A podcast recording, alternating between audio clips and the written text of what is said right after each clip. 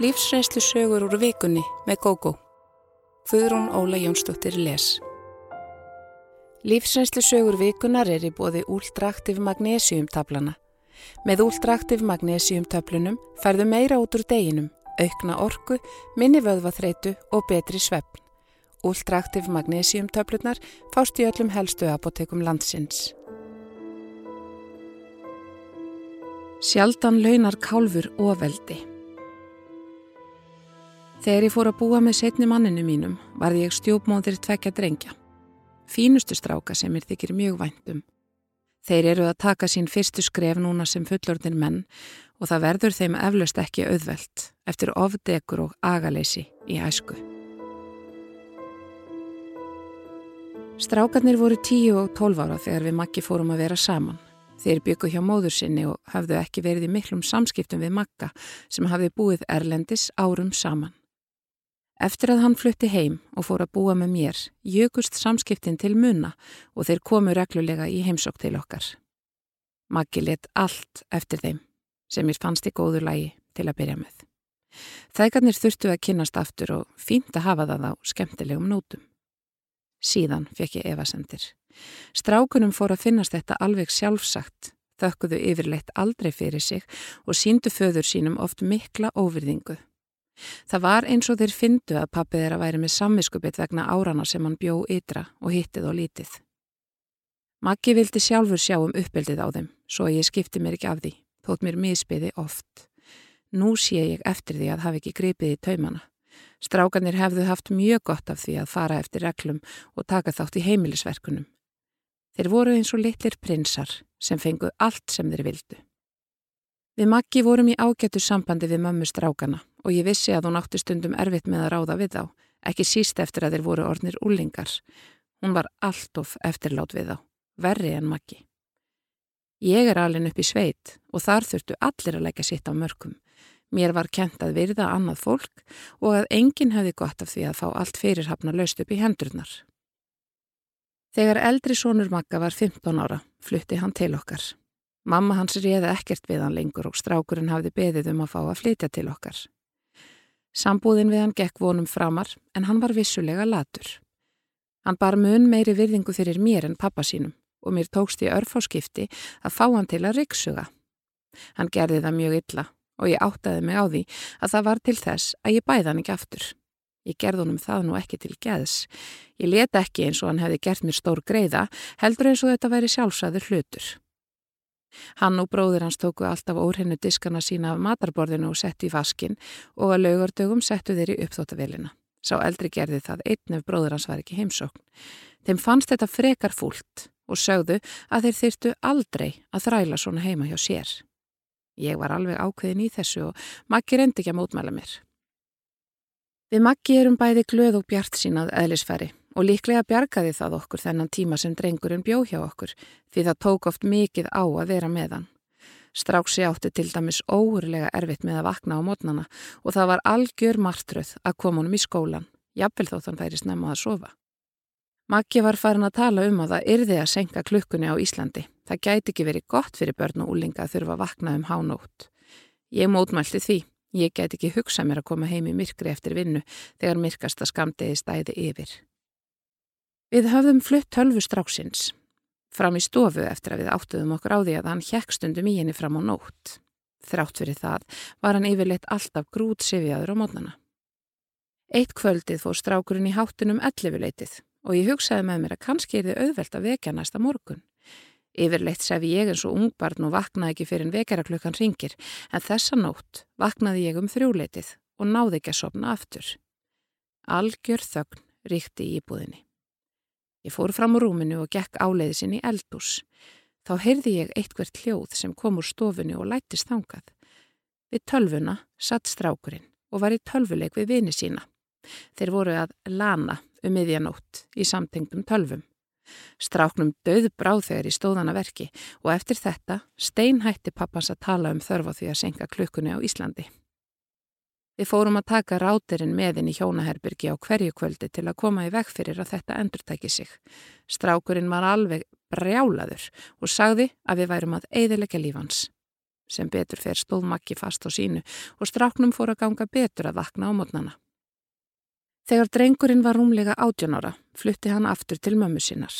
Mér létti mikið og fann að makka fannst líka gott að við værum orðin tvö einn. Mér þykir mjög væntum strákanans makka og ég held að það sé gagfæmt. Þeir vita eflust ekki hversu oft ég þurfti að sitja á mér þegar mér langaði að siða þá til. Við makki vorum sannlega ekki alltaf sammála. Honum fannst ég of ströng þegar komað uppeldi og mér fannst hann of linur. Okkur tókst þó yfirlegt að fara milli veginn. Svo kom að því að eldri strákurinn var ástfangin. Hann kom nokkrum sinnum í heimsókn með kærustuna og sama hvað ég reyndi, mér tókst ekki að láta mig líka við hana. Ef sinir makka voru slæmir, þá var hún helmingi verri. Hún var ekki heimsk, en hún var kjáni, greinilega ofdegruð og heimurinn átti að snúast í kringum hana. Ef hún kom í mat var hún svo eina sem tók ekki diskinn sinn og fór með hann fram í eldús. Hún stóð upp um leið og við en til að leggjast upp í sófan án þess að hafa fyrir því að fara úr skónum. Eftir að hún sá makka kveika sér í vindli í stofunni eftir fyrsta matarbóðið sem henni var bóðið í, kveikti hún sér í síkarettu án þess að spyrja um leifi. Ég þóli illa reykingar en mér er alveg sama þegar makki fær sér vindil nokkrum sinnum á ári. Mér fannst ég ekki geta beði stelpuna um að fara út og svalir til að reykja, fyrst hún sá makka reykja inni. Hann satt reyndal við opin glukka en hún ekki. Við bjóðum þeim aldrei í heimsókn og þau koma bara þegar þau eiga frumkvæði að því. Unga parið ákvaða að fara að búa saman í fyrra. Móður afi stráksa seldi þeim litla en sæta kjallara íbúð á fáránlega láguverði.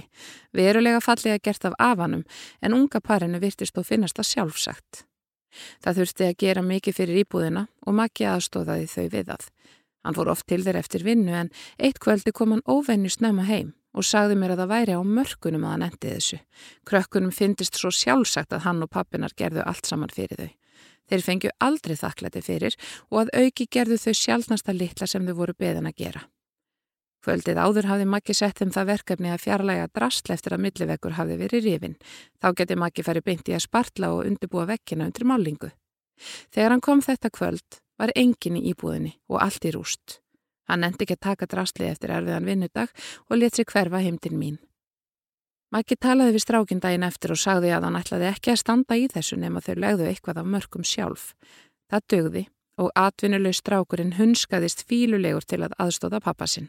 Kærast hann let sjálfnast sjá sig, nema þá bara til að sjá hvernig gengi, en á þeim tíma var hún í hálfu starfi í tískuverslun, þar til hún var rekin fyrir slæma mætingu. Báðir þessir krakkar hafðu vanist við að fá hlutina fyrirhafnar löst upp í hendurnar. Og þarna fyrst held ég að Maggi hafi skilið hvað ég meinti öll þessi ár, eða að of mikið degur væri óholt börnum. Unga parið flutti loksinni í búðina. Þau rýfast vist um húsverkin og heimili þeirra er frekar sóðalegt því enginn þrýfur eftir þau lengur. Þau rýfast síður um hvort þeir eigi að elda því þau kaupa yfirleitt tilbúin mat og skilja svo ekkit í því af hverju þeir eru alltaf blöng. Þeim helst báðum illa á vinnu. Yfirmenn þeirra eru alltaf eitthvað svo gjörsamlega óþólandi, segja þau, en þeim dettur ekki í huga sökin geti leið hjá þeim. Ég vona af öllu hjarta að þau býði með barnignir í mörg ár í viðbútt. Ég mun eflaust alltaf sjá eftir því að hafi ekki verið strángari stjúpa og kent reyngjunum að hlýða reglum og vinna. Það hefði auðvildað um lífið á fullorðisárum. Fadir minn segir að heil kynnslóð af ónitjungum sé að vaksa upp núna en ég er ekki alveg sammóla þrátt fyrir þessa reynslu mína. Vissulega vilja sumir fá allt fyrir hafna löst upp í hendurnar en það á ekki bara við sumt unga fólkið í dag heldur svo miklu fleiri. Sjaldan launar kálfur ofeldi er góður málsáttur sem ég hefði þurft að tróða miklu fyrr inn í hausin á elsku karlinu mínum. Fá ekki að hitta barnabarnið. Fyrir fimm árum lést dóttur okkar, 33 ára gömul. Hún átti þá 7 ára gamlan són og eiginmann. Þetta er saga um baráttu afa og ömmu til að fá að umgangast barnabarn sitt. Dóttir okkar og fjölskylda hennar átti heima í göngufæri við okkur sem var mjög gott þegar hún veiktist. Þá gátum við verið fjölskyldunni innan handar og synd litla drengnum þeirra. Eftir andlá dóttur okkar var góð samvinna fyrstu árin milli eftirlifandi eiginmanns hennar og okkar. Drengurinn var mikið hjá okkur eftir skóla og um helgar gisti hann oft hjá okkur. Við lögðum okkur fram við að hjálpa þeim feðgum og skipulögðum sumarfríin okkar þannig að drengurinn gæti verið hjá okkur svo fadir hans gæti unnið. Einnig tók annað okkar sér frí síðustu þrjá mánuðina sem dóttur okkar livði, svo eiginmaður dóttur okkar gæti unnið. Þá var einnig langt tímabil sem annað okkar fór yfir til þeirra klukkan sjö á hverju morgni. Þá smurðum við nesti drengsins og sendum hann í skólan. Þetta gerðum við til þess að pappi hans gæti færði ræktina á mornana. Við hjóni nutum þess að sinna barnabarnin okkar og gerðum ímislegt til þess að auka hamingju barsins sem átti tilfinningarlega erfitt eftir móðurmissin. Dóttur okkar hafði ekki unnið úti eftir að hún eignaðist hann því þá komi ljós að hún var með krabbaminn. Hann var því mjög mikið með móður sinni. Við hjónin gerðum ímislegt skemmtilegt með honum. Ammans fór meðal annars með honum í gönguferðir á leikvelli í hjólaferðir, í sund og í hústýragarðin, las fyrir hann og sagði honum sögur af móður hann sem hann tók fram yfir lesnar sögur. Einnig spiliðum við mikið saman. Með afa sér við hlið var smíðað í bílskurnum og einnig byggðu þeir snjókarla og snjóhús, fóru í sleða og skíðaferðir og byggu til pappisflugvilar sem þeir þeittu út um allt hús. Þar sem hann bjóð svo stutt frá okkur, kom hann á tímabilum daglega og kíkti við hjá okkur. Hálfu ári eftir andlátt dóttur okkar kynntist eiginmaður hennar konu sem hann hóf sambúð með. Þetta var indal kona sem átti lítinn dreng sem barnabarni okkar þótti ekki slæmt því hann var búin að vera einbyrni í sjö ár. Dóttur sinni okkar þótti mjög væntum hann á litla stjúbróðurinn en fadir hans leitt sambandi við hann eftir stuttast sambúð sem var barnabarni okkar mjög sárt.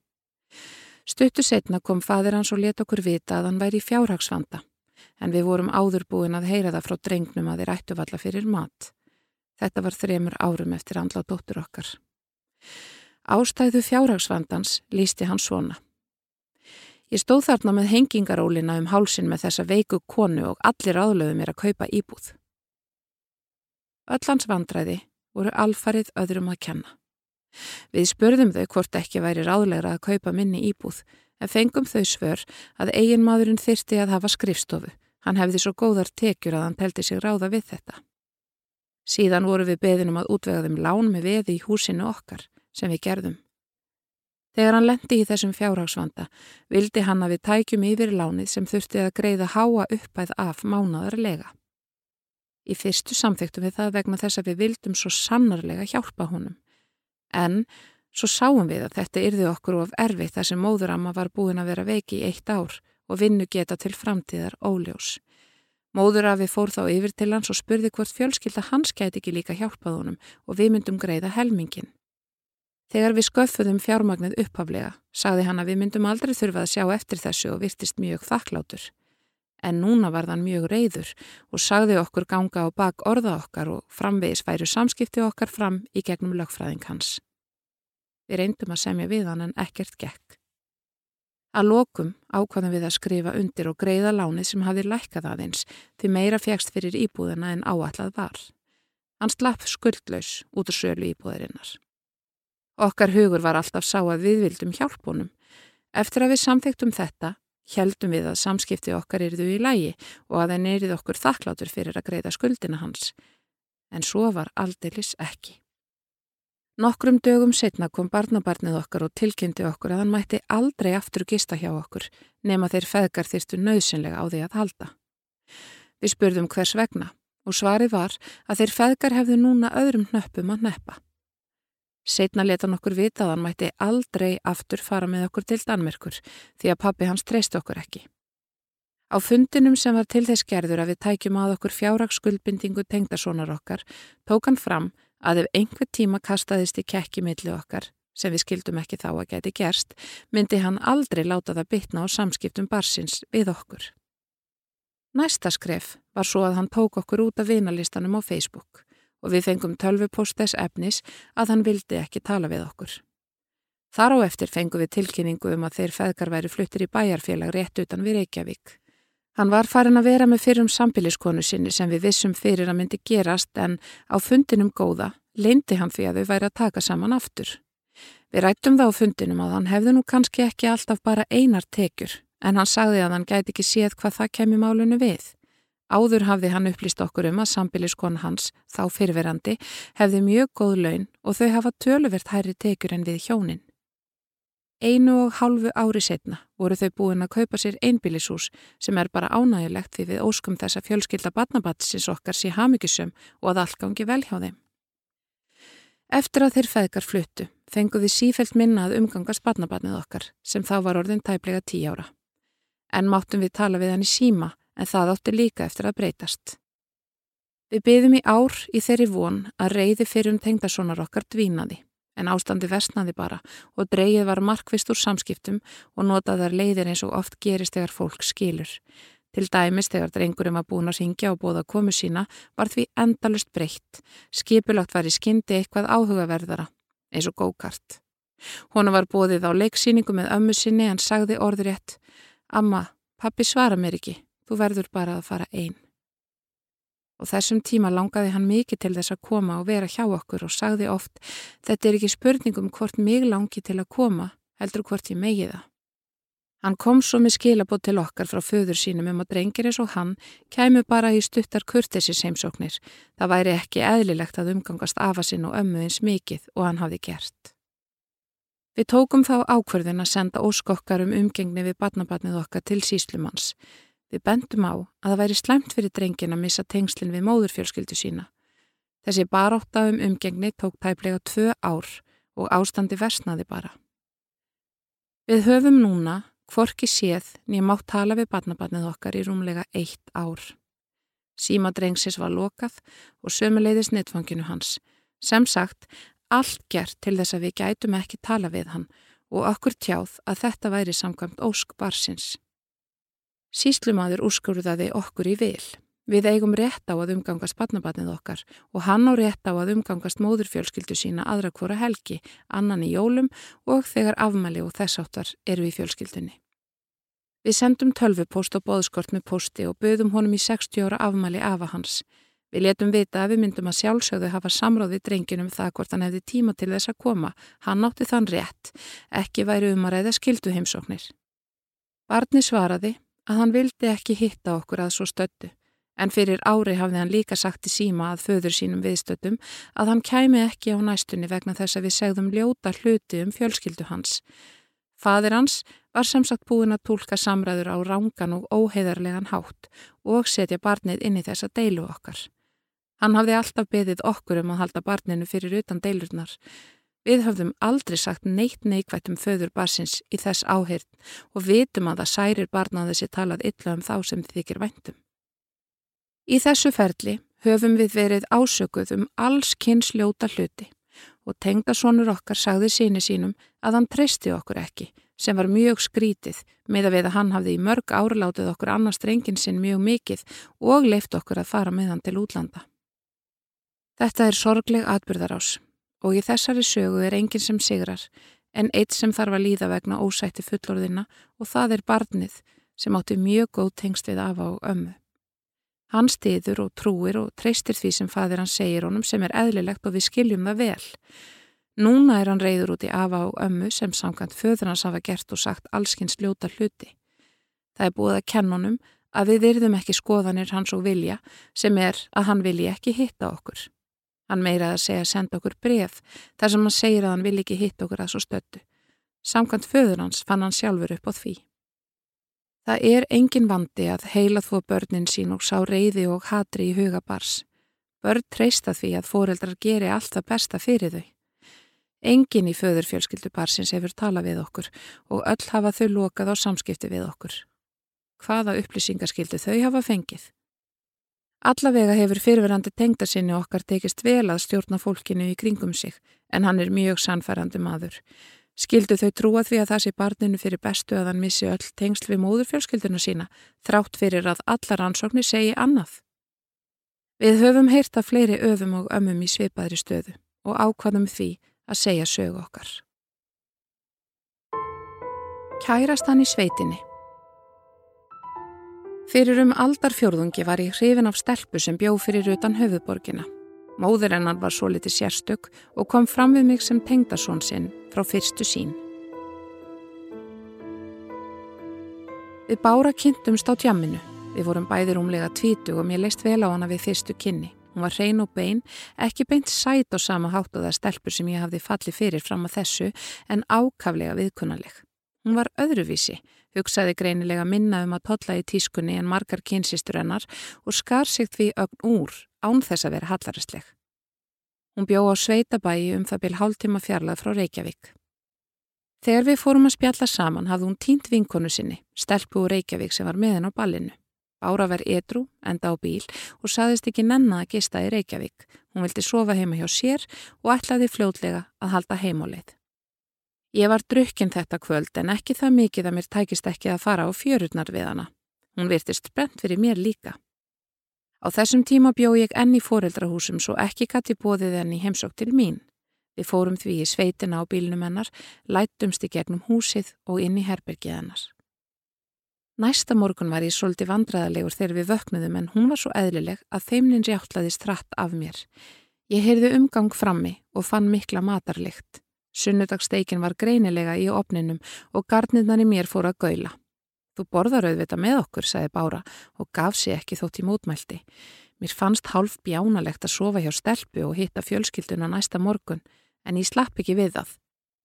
Mér fannst eiginlega verri tiljóksunin um að hanga inn í herbyrgi það til fólki hefði fækkað og reyna þá að komast óséður út. Ég var sá eini sem var vandraðilegur við matarborðið. Þarna sáttu foreldrar báru, sískinni og slatti af öðru fræntfólki sem ég komst að síðar að var alltaf bóðið í sunnudagslærið. Ég byrjaði á því að heilsa og kynna mig og fólkið hummaði eitthvað.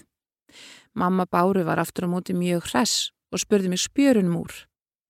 Henni leist greinilega vel á mig þótt ég sæti þarna við borðið í djamklæðinaðinum frá kvöldinu áður, sjúskuðum og tóparsliktandi jakkafötum og á lakskum. Henni fannst mikið til þess koma að pappi væri kennari og ekki síður að ég væri í háskólanámi. Mér leið eins hún hefði samþygt mig sem tilvonandi Tengdason og það var bæði undarleg og óþægileg tilfinning. Hitt fólki talaði lítið við mig. Það gerði það í gegnum báru og kallaði mig einfallega hann eða kærastan. Þrátt fyrir smá þingu og vandraðagang gekk máltiðin vel og maturinn var mjög góður. Vilt ekki sín honum hestana þína? spurði pappinar þegar máltiðinu var lokið. Bára var meira en til í það, en mér fannst nóg komið og baðan um að skuttla mér í bæin. Við spjöldluðum lítið saman á heimliðin og kvöttumst með kossi. Ég tautaði svo sjáumst þegar ég fór út úr bílnum. Ekki mikill herramaður þarna en ég vildi bara sleppa sem fyrst og komast heim. Þetta hafði verið aðeins of mikið af því góða fannst mér. Eitt var að sofa hjá stelpu en annað var að hitta nánast alla ættina strax daginn eftir. Ég fór út á lífið um næstu helgi og á sama stað og ég hafði hitt báru og stóð mig að því að svipast um eftir henni. Hún var hverki sjáanleg og heldur ekki næstu helgar á eftir. Um það byrj mánuði eftir nóttuna okkar góðu ákvaði ég að fara til hennars. Það var ekkert hlaupið að því að komast í sveitina en ég var í góðri sumarvinnu og átti nóg af peningum svo ég splæst í leigubil. Ég bað bílstjóranum að býða þar til ég gæf honum merkju um að fara og bankaði á herbyggisklukan hennar. Bára var sem betur fyrir heima, hafði verið sofandi en bauð mér inn. Ég veifaði bílstjóranum sem kvarf á braut og lættist inn til Báru. Við matarborðið í hátteginu næsta dag var ögn minni vandraðagangur á mér enn í fyrraskiptið. Ég var bóðin velkomin af mömmu báru og mér leiðin svo öllum þarna fyndist að eðlilegasti hlutur í heimi að ég sæti við þetta borð. Bjóti kærastanum upp á bönir bára mín. Heldur að hann vil ekki meiri mat? Aðins mamma báru talaði beint við mig og einni sískinni hennar sem sögðu þó mest lítið.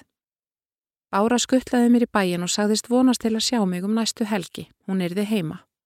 Ég sagðist ætlaði að sjá til. Ég kemi kannski, kannski ekki.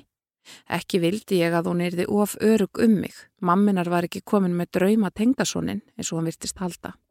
Ég nefndi ekki sveitina næstu helgi á eftir og heldur ekki þá þar næstu en þremur vikum setna hoppaði ég upp í leigubíl og bað bílistjórunum að aka mér í sveitina. Ég var spenntur fyrir báru en bara henni. Þetta sem fylgd henni, ættingjarnir, sunnudagsmaturinn, fjarlæðin frá heimili hennar, allt þetta pyrraði mig og sumt meira en annað. Það var til dæmis verulega óþægilegt að mamma Báru kom fram við mig eins og tilvonandi Tengdason. Sitt af hverju hafi gerst þessar vikur síðan ég mætti síðast í sveitina. Mamma Báru hafi skroppið með sýstur sinni í helgarferð til útlanda. Eins og síður var þá hjá mörgum hafði hún keift gafir handa nánast öllum sem hún þekkti og ég var ekki undanskilin. Hún rétti mér póka og sagði, ég kefti þetta handa þér til að vera í þegar þú ert hjá okkur í sveitinni. Ég tók undrandi við pókanum og í honum voru gallaböksur og peisa sem hún hafði keft í dressmann í útlandinu. Þetta var áður en svo búð kom til Íslands. Fötin voru ekki ljót og þau pössuðu mér ágætlega en mikið fannst mér þetta skrítið allt saman. Það var ekki endilega slæmtilfinning að vera samþyktur á þennan hátt en mér fannst þetta samt vera mjög óþægilegt. Ég fór tvísvarið að þrísvar til báru eftir þetta og svo gati ég þetta ekki meir. Ég var enn hrifin af henni en fannst eins og ég hefði verið gleiftur með húð og hári. Þetta var ekki auðvelt og ég saknaði hennar fyrst á eftir en mér láðist þó alveg að hugsa um hennar tilfinningar. Þótt Ísland sé lítið land hitti ég báru ekki næst fyrir en eftir um 20 ár. Ég var þá stattur í kringlunni með konunni minni og yngri sinni. Þau skildu mig eftir því þau sögðust þurfa að kaupa jólagjöf handa mér, svo ég settist á bekk með innkaupapókana. Ég fannst gaman að fylgjast með mannlífin í jólaauðsinni og hitti nokkra vini og kunningja. Svo rak ég augun í konu sem ég fannst í kannast við en gætt ómögulega komið fyrir mig. Um leið og einhver maður fyrir aftanana, greinilega eiginmaður hennar, kallaði Bára!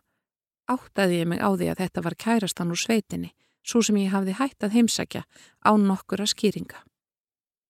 Árin hafði farið vel með báru. Hún var orðin enn fallegri en áður og virtist sæl með lífið og tilveruna. Maðurinn hennar var greinilega mjög hrifin af henni og hún af honum. Ég fann fyrir óvæntri skömmustu tilfinningu og vonaði að hún tæk ekki eftir mér. Hún virtist og hafa tekið eftir því að ég horða á hana því hún sneri höfðin í áttina til mín. Hún þekkti mig greinilega ekki sem var bæði léttir og vonbreyði. Í sömu andrá komu konan mín og sonur, leindardómsfull á svip eftir innköpin. Við drefum okkur heim. Um kvöldið sagði ég konunni minni frá báru og hvað ég hefði allt í einu skammast mín fyrir framkomu mín að gagvartenni. Konan mín skelli hlóð þegar ég saði henni frá fatakaupum tengdamömmu. Hún sagði að sjálf hefði hún ekki vilja lenda í svona aðstæðum og líklega láti sig hverfa, en kannski ekki orðalust eins og ég gerði. Það glatti mig að Bára virtist hamingisum og ég vona bara að hún hafi glemt mér rætt og vel á sínum tíma og haldið áfram með lífið. Það var ekki ætlunin að særa hana en á þessum djam árum mínum var ég eflaust algjörlega hugsunarlaus gagvar tilfinningum þeirra stelpna sem ég átti sambandi við. Í dag finnst mér bráð fyndið að móður hjásæðu minnar hafi keift á mig föti í útlöndum en ég hafði sannlega engan húmor fyrir því þá.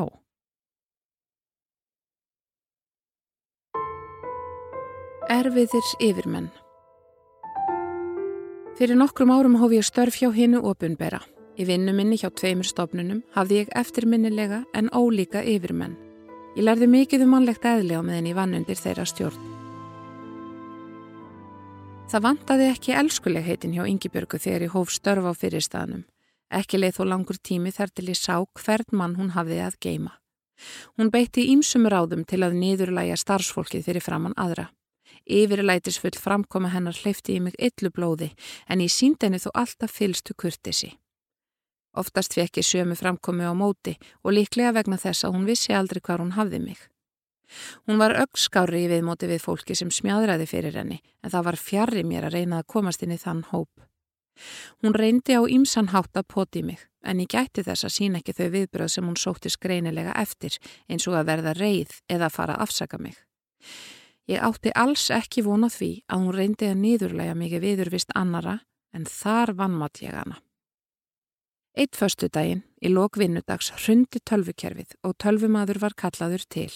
Þegar ég mætti til vinnu á mánudeginum sá ég að Ingi Björg stóð ábúðar mikil á ganginum og var að spjalla við nokkra starfsmenn. Ég bauði góðan dag og ætlaði að fara inn á skrifstofuna mína þegar Ingeborg stoppaði mig og sagði gladhlakkalega auðmingja tölvumadurinn þurfti að vera hér alla helgina til að koma kerfinu í lag. Hann sagði að tölvan þín hefði verið síktust. Hvað ertu eiginlega að gera í tölvuninni? Það kom á mig. Ég vissi ekki um hvað hún var að tala en sagði rólega að ég notaði tölvuna sem vinnutæki eins og aðrir. Ég var orðin öskuvond þegar ég settist í skrifborðið mitt og vildi ekki sætta mig við þetta bull. Eftir smá umhugsun ákvað ég að ringja í tölvumannin og fá útskýringu hjá honum. Ef ég hafði gert eitthvað rangt í vinnu minni vildi ég vita það og lagfæra svo ég myndi ekki orsaka aðra bylun á tölvukerfi allrar stopnunarinnar. Tölvumadurinn skildi mig ekki fyrstu en sagði svo stein hissa að bylunin hefði ekki tengst neinum sérstökum tölvum Serverinn hefði fengið í sig vírusaðan og enginn tölva síkst meira en önnur eða orsakað bílunina. Hann sagði að það væri algjört bullarinn að kenningur um einum um. Hann var nánast flissandi í lók símtalsins, svo fáránlegt fannst honum þetta. Þar sem Yngibjörg hafði sagt þetta fyrir fram að hluta samstarfsfólks míns fannst mér ekki nóg að reyka þetta ofan í hana í einrúmi svo ég sendi öllu samstarfsfólkinu tölvupost að henni meðtalinni þar sem framkom hvað tölvumadurinn hefði sagt mér. Þegar ég hitti Yngibjörgu næst spurði ég hanna hvort hún hefði séð postin minn. Jú, það hafði hún gert, en í stað þess að útskýra orð sín eða byggjast afsökunar, sáð hún að það hefði verið algjör óþarfi hjá mér að senda þennan tölvupost. Síma og mótugustúlkan heyrði orðaskipti okkar og rángfóldi augunum, greinilega nexluð á Yngibjörgu. Ég var mjög ána með að hafa ákveðið að bregðast svona við í stað þess að setja bálreið og niðurlægð á skrifstofinni minni. Eftir þetta reyndi Yngibjörg ekki neitt í þessa veruna gagvart mér. Nokkru mánuðum setna var ég komin í annað starf hjá annari stofnun. Þar var afskaplega indall yfirmaður um sextugt, Guðmundur að nafni. Ég áttaði mig þó fljóðlega á því að Guðmundur tókst aldrei á við neyn vandamál. Andin á staðnum var slæmur og ástæðan var einelti tvekja einstaklinga í garðun okkur að samstarfsmanna Þau tvö voru illgjörn og síndu fólki leiðinlega framkomu sem ég slapp ekki við, frekar en aðrir. Í samráði við þennan indala yfirmann minn fekk ég að breyta vinnutíma mínum til að geta bætt við mentun mína. Ég átti að geta það með því að vinna heimann frá mér á kvöldin og um helgar, tengt við tölvukerfi stopnunarinnar. Ég mættu þó annars slægið á vinnustæðin og satt meðal annars fundi. Þegar ég hóf námið Vissu samstarfsmenn mínir af þessari tilhögun en það vörðu einhverjar mannabreitingar á þessum tíma og nýjir starfsmenn voru ekki endilega uppfrættur um þetta jafn óðum en það skipti þetta í raun engu máli. Um það byl ári eftir að ég hóf námið fór ég að heyra glósur um að ég væri aldrei á staðunum, mætti illa og annað í þeim dúr. Á fundum var kannski sagt, við getum ekki látið hana um þetta verkefni, hún er aldrei hérna, hún kemur bara þegar henni sínist. Þetta kom auðvitað frá þessum tveimur einelti seggjum. Guðmundur sagði aldrei orð mér til varnar, heldur útlutaði mér verkefnum þrátt fyrir orð þeirra. Mér fannst engin ástæði til að afsaka mig, þau tvö vissu full vel að ég skilaði mínu þótt ég mætti ekki daglega, en nýja fólki vissi það kannski ekki. Ég vann starf mitt mjög vel og átti ekki að þurfa að útskýra eitt eða neitt. Mér ofbauð þegar Karlinn sem hjælt utanum stimpilklukkumálinn fór að nöldra í mér verðandi mætingar. Eitt daginn dró ég hans reynlega með mér inn á skrifstofu til Guðmyndar og baða hann um að útskýra málinn fyrir Karlinnum. Guðmyndur gerði það en vildi gera báðum til hæfis svo að hann sagði við mig að ég yrði að skilja að Karlinn hjælti utanum mætingarnar og að ég mætti óreglulega. Viðbröð Guðmyndar olli mér vonbreyðum en ég var svo sem vöndi að hann tækja aldrei af skarið og vildi halda öllum góðum. Reglulega læturið opunbera mæla starfs ánægi og það komir ekki á óvar þegar vinnustæðurinn minn fekk ansi slæma útreið og lendi í einu af neðstu sætunum. Guðmundur var miður sín og skildi þetta ekki. Hann rætti þetta við mig og ég sað honum að tveir einstaklingar eitruðu mjög út frá sér, þessir sem mest væri klagað yfir við hann. Eftir að sálfræði teimi gerði ástandskönnun kom auðvitaði ljós byllandi eineldi, sérstaklega frá þessum tveimur sem ég hafi nefnt við Guðmund. Bæði fengu áminningu í starfi og voru bæði hissa og móðguð yfir því. Ingi Björg er versti yfirmaður sem ég hef haft, en hún kemst þó ekki með tærnar þar sem fyrir um yfirmaður vinkonu minnar hafði hælana. Gunna vinkona, velmentuð, gladvær og hörkudugleg, var svo óheppin að vinna í nokkra mánuði undir stjórn konu sem ég kýsa kalla Agnesi. Gunna var ánægð fyrstu vikurnar en þá fór Agnes að sína sitt rétta eðli. Það var eins og hún þyldi ekki að hafa lífsglada og vinsala mannesku í kringum sig. Hún þyrti að berja alla þessa gleði niður. Eitt daginn kallaði hún Gunnu úr verkefni og baði um að ringja inn okkur fyrirtæki fyrir sig og fá ákveðnar upplýsingar. Gunna gerði það og skilaði skjali á skrifborð Agnesar eftir örskama stund með bros á vör. Agnes skoðaði skjalið, leit upp og gargaði á hana svo hátt að glumdi í öllu. Hvers konar vinnubröð eru þetta? Getur ekki einu sinni gert einfaldasta hlut almennilega. Agnes vildi fá miklu nánari útlistun á öllu saman en láðist algjörlega að segja Gunnu það í upphafi. Gunnar hingdi aftur í sömu aðila, afsakaði sig og baði meiri upplýsingar. Hún skilaði annari skýslu en þá vantaði enn eitt atriði sem Agnes hafði ekki minnst á. Gunna er ekki típan sem segir, hei, ég les ekki hugsanir. Hún er kurtis og sínir öllum virðingu. Miður sín þurfti hún að ringja í þriðja sinn í sömu aðilana. Þetta sem hefði geta tekið í mestalagi klukkutíma tók hálfan dag. Góður yfirmaður er nákvæmur þegar hann byður um eitthvað, en Agnes var ekki góður yfirmaður. Gunna hefði aldrei geta sagt sér sjálf hvaða upplýsingar það voru sem Agnes þurfti að fá, svo að þetta voru seinræktuð, andstikileg heit til þess einskerð að niðurlæga Gunnu. Fram á þessu hafði Agnes aldrei kvartað undan vinnubröðum Gunnu, svo þetta kom mjög á óvart. Hitt starfsfólkið á staðnum var ósköp indælt, en það virtist döðfeið að sleppa sjálf við eineltið og þorði ekki að sína Gunnu stuðning. Gunna let Agnesi ekki hanga sig aftur á neinu og spurði Agnesi í hvert skipti hvað hún vildi nákvæmlega fá þegar hún þurfti að afla upplýsinga fyrir hana. Agnes fann þó alltaf nýja leiðir til að gaggrina störfennar. Hún let hana til dæmis gera skýslur oftar en einu sinni því henni mislikaði kannski uppsetningin þótt Gunna hefði farið nákvæmlega eftir gömlum skýslum sem Agnes hafi lagt blessun sína yfir eða jafnvel skrifa sjálf. Þegar Gunna sagði mér að hún væri hætt á þessum auðma vinnustad var ég yfir mig ánægð. Hún hafði þóla við lengur en ætlamátti vegna óvissu ástands í atvinnumálum. Um leið og hún hafði fengið aðra vinnu, sagði hún upp. Þá var Agnes í sumarfríi en sá sem leist hana afleiði Gunnu að hætta strax. Það hefði Agnes aldrei gert. Ég kvatti Gunnu til að kæra eineltið en Gunna saðist ekki nenna að standa í því. Hún vildi gleima þessum tímalífsins.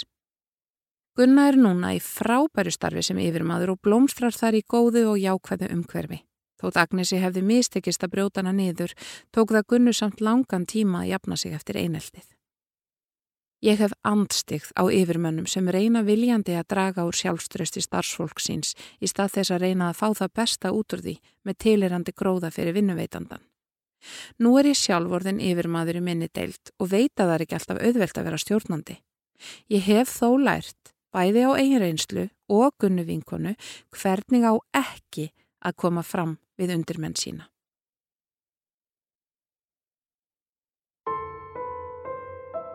Ókunnugur fadir á Facebook Blóðfadir minn yfirgaf mig þegar ég var enn í móðurkviði. Árin liðu og það var ekki fyrir nýr steg á sviði sjónvarpstætti að áhugi hans á mér kviknaði. Hann magnaðist með árunum og með tilkomu Facebook breytist áhugin í stöðugt áreiti.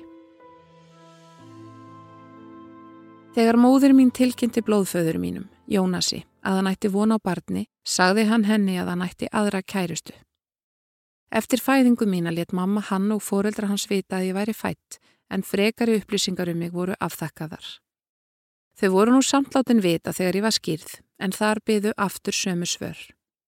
Þetta var fólk sem hafði áður verið í samskiptum við mömmu en þarna lokaði það algjörlega á hana og barnið hennar. Ég ólst upp með sterkum konum og góðum fyrirmyndum. Auðvitað komaði í eitt daginn að ég erði forvitin. Öll börnin í kringum með áttu pappa. Hvar var minn? Mamma síndi mér myndir af honum og útskriði fyrir mér að hann ætti heima annar staðar. Hún talaði aldrei um hann á neikvæðan hátt. Ég hugsaði ekkert frekar til hans eftir þetta og hafði enga þörf fyrir hann í lífi mínu. Þegar ég var sjóra sá ég Jónas í fyrsta sinn í eigin personu. Hann vildi fá mig með sér í bíltúr niður að Reykjavíkur tjörn að gefa öndunum brauð. Ég var döðhrætt við þennan ókunnuga mann og þorði ekki fyrir mitt litla líf að fara með honum. Það fannst honum mjög skrítið. Þögn ríkti næstu ár en svo tók hann upp á því að færa mér jólagjafir. Oftast voru það ótir náttfött. Á þessum tíma vann Jónas í verstun á höfuborgarsvæðinu sem seldi fatnað á lágu verði. Mamma gerði aldrei neinar kröfur á hann fjárhagslega. Hann tók því aldrei þátt í að kaupa eða útvega neitt sem tengdist mér. Hann lagði ekki örðu í kostnað vegna skýrnar, fermingar, ökuprófs eða stúdensprófs, hvað þá háskóla útskriftar eða nokkuð annað, að frátöldum þessum örfái og ómerkilegu jólagjöfum. Mamma sendi honum reglulega myndir af mér og bað mig að skrifa honum jólakort sem ég gerði, enda hlýðið barn. Þegar komað fermingunum minni spurði mamma mig hvort ég vildi bjóða Jónasi. Hún sagði að ég reði því algjörlega og hún vildi engin áhrif hafa á ákvörðun mína. Ef mig langaði til að fá hann í vesluna mína, yrði hann jafn velkomin og aðrir gestir. Ég þvertók algjörlega fyrir að bjóðunum. Samskipti okkar höfðu líka aldrei verið önnur en vandræðaleg náttvata afhending innum dyragætt. Ég þekkti alla gestina mína vel og að bjóða þessum ókunnuga manni hefði verið fáránlegt. Eftir þetta hættu gjafir að berast frá Jónasi. Ég fann einungis fyrir létti og hjælt að ég væri laus við þennan mann úr lífi mínu. Svo gott var það þó ekki. Tvítug tóki þátt í hæfileika keppni sem var sínd í sjónvarpinu. Skömmu áðurinn í steg á sviði beitni útsendingu mætti sendill með blómvönd ætlaðan mér. Á korti sem fyldi stóð til hamingju með sigurinn, pappi. Hinnir keppendurnir heldu sjálfsagt að fadir sem hefði alið mig upp hefði staðið að baki þessari sendingu en ekki ókunnugur genagjafi og furðuðu sig á þessu háttalagi hans. Þetta kom út eins og ég væri vissum að sigra í keppninni sem var sannarlega ekki raunin. Á þessum tíma og á þennan hátt fannst honum komin tími til að endur nýja kinnin en hann fekk engar undirstektir. Ég var neyksluð á því að hann vildi skindilega þekkja mig aftur að því er virtist aðeins af því að ég byrtist á sjónvarpskjánum.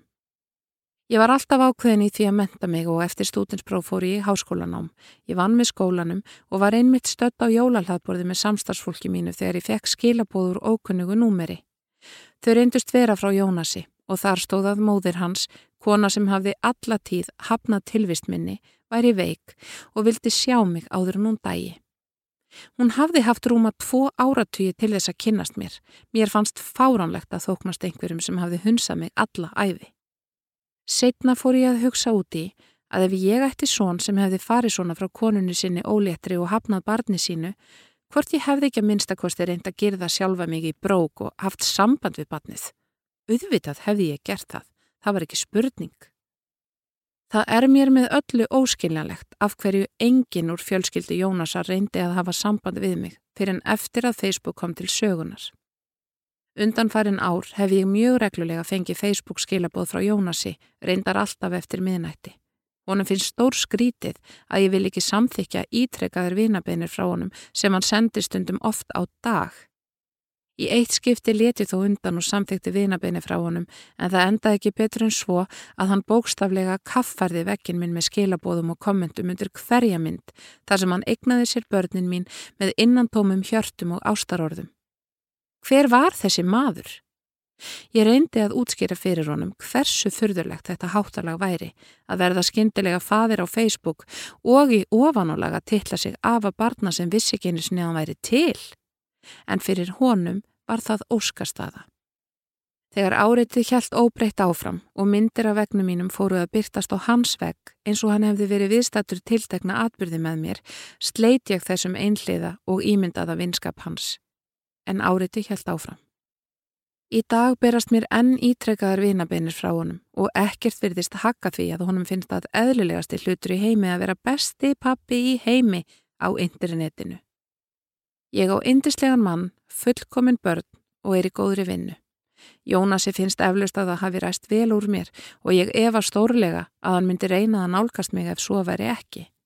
Ef ég hefði ekki fengið aðtegli fyrir að vera sætt í sjónvarpinu á sínum tíma, þykir mér óleiklegt að hann hefði reynd að hafa samband, heldur hefði afskiptaleysi ríkt áfram. Börnin mín eru svo rík að eiga frábæran föður, en eftir að ég var móður sjálf hef ég hugsað meira um hlutverkið að vera foreldri að vernda börnin, sinna þeim og gæta af því að maður þráir ekkert meira. Deila með þeim tíma og fylgjast með þeim vaksa og dafna. Flestir uppskera sem betur fer eins og þeir sá og börnin muni síðar mér endur spekla þá ást sem þau alast upp við. Þess vegna finnst mér áhugavert að gefa sér það bessa leifi að kalla sig pappa þegar maður hefur aldrei verið það. Í hverju fælst eiginlega orðið? Eða að kalla lítir börn afabörn þegar maður hefur aldrei séð þau. Að eigna sér heiðurinn af einhverju svona óverðskulduðu gerir að mínum að til lítið úr þeim feðurum sem standa sig vel og vilja vera til staðar fyrir börnin sín þegar þau þurfa á því að halda, ekki bara þegar dæmis nýst við. Þú varst að hlusta á lífsreynslusögur úr vikunni með GóGó í lestri Guðrúnar Óli Jónsdóttur og framleiðslu Storysight árið 2020.